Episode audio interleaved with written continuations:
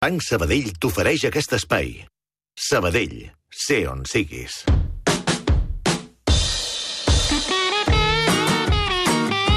Ramon Solsona.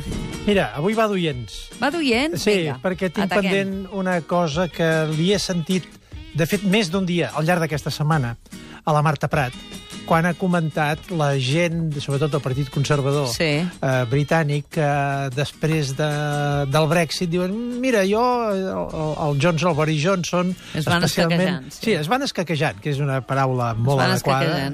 Es van escaquejant. Ningú vol assumir Eh, això. sí, el Nigel Farage va dir jo he fet la meva feina. Eh, Sí, Això que ho faci un altre, això que ho entomi aleshores- algú que ho faci més sí. convençut, energia nova. I la Marta Prat, i no és l'única, eh? diverses persones aquí en aquesta taula, doncs han dit, fa com el capità Aranya, que fa embarcar la gent i es queda a terra. Jo vaig comentar amb la Marta i li vaig dir, escolta, és una expressió que m'ha agradat molt. Diu, mira, jo he tingut una certa polèmica, perquè hi ha gent que la coneix de tota la vida, com jo, i d'altres que et pregunten, escolta, això d'on ha sortit? I a mi també m'ho han preguntat. Oients allò, persones que més o menys coneixes, eh? Sí. Diuen, escolta, això del Capità Aranya d'on ha sortit? Home, el Capità Aranya, que fa temps que no ho sentia. Aleshores, és una expressió que segurament és d'origen espanyol, però que en català realment està molt documentada. No és, no és que eh, hagi arribat fa quatre dies.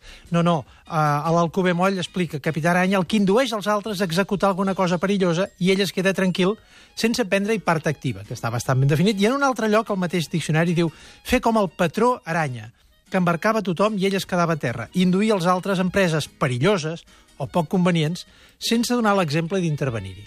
Que això fa temps que en, en català està consolidat, mm. ho demostra que al final del segle XIX ja hi havia una obreta, una comèdia en un acte que es deia Lo patró Aranya, de Josep Lo Maria patró Pou. Aranya. Lo patró, ara, patró de barco. Perquè, a veure, jo crec que quan es parla de Capità Aranya, eh, és, és com un nom ridícul. Eh, eh, tu penses, segurament, eh? Primer penses en la milícia, un capità militar, que dir-se aranya és una cosa que no quadra a, a, la, a, a una professió doncs, activa, agressiva, ferotge. Qui Però era el capità Aranya? Aquesta és, la, aquesta és la pregunta. Qui era? No era militar. Uh, era un capità de barco. Explicacions? Mira, les que vulguis. N'he trobat una catalana, que era un senyor de, de Badalona que agafava barques velles, les refeia, i com que no quedava del tot convençut que haguessin estat eh, ben, ben arreglades, doncs ell no hi pujava mai, de dir, escolta, això, venc la barca, no sé què... I, Te l'arreglo. Ja, te l'arreglo i ja us ho fareu. Aquesta és una versió. L'altra, la més estesa, és que podria ser un basc eh, arana, un Sí. portuguès aranya, eh, que eh, Espanya, quan va començar a tenir les primeríssimes insurreccions de les colònies americanes, reclutava, reclutava gent per portar-les per combatre aquestes insurreccions i que hi havia un suposat capità Aranya que agafava gent per enviar-la a Amèrica per dir, vosaltres Però ja us envio a lluitar. És una neu passant. Sí, aneu, aneu passant. Aneu passant. Aneu passant, que jo em quedo aquí, que no havia travessat mai l'Atlàntic. Doncs segurament ve d'aquí. Però ho aprofito per dir altres expressions que crec que són, en fi, molt nostres, eh, que mm, pràcticament volen dir el mateix. Una és portar-ne un al pap i un altre al sac. Mm. Eh, Que es vol dir, dir una cosa, però en realitat exactament. alguna Jo cosa una- tens amagada. Alguna cosa tens amagada. Estic... que- Vaja, tu que fas tantes entrevistes polítiques, costa molt de dir quina és la que porten al sac I o la no que porten polítiques. al pap. I no polítiques. I no polítiques. Efectivament, la gent que diu una cosa, que manifesta, que diu anem cap aquí, anem cap allà, però hi ha una altra intenció oculta, portar-ne un al pap i un altre al sac. Una que ja no l'explico, que és fer la puta i la Ramoneta. Però no és ben bé el mateix, perquè fer la puta i la No, ramoneta vol dir no. jugar a dues bandes. Jugar a dues bandes. Que és un efe- concepte diferent. Efectivament. I l'origen és la puta Ramoneta.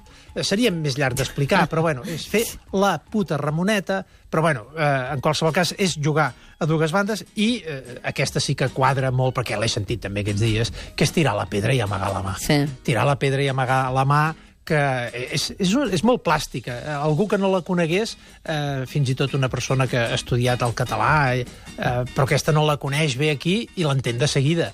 Jo em pensava que era una frase feta eh, comuna a les llengües del nostre entorn i només l'he trobat en italià.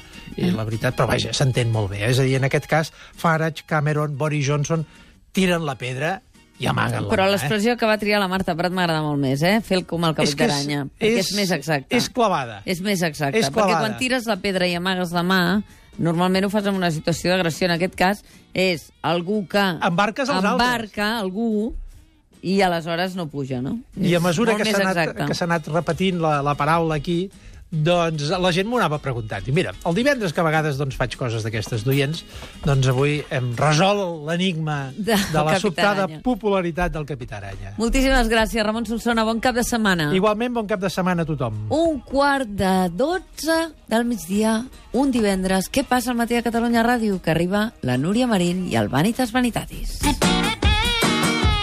Banc Sabadell t'ha ofert aquest espai. Sabadell, sé on siguis.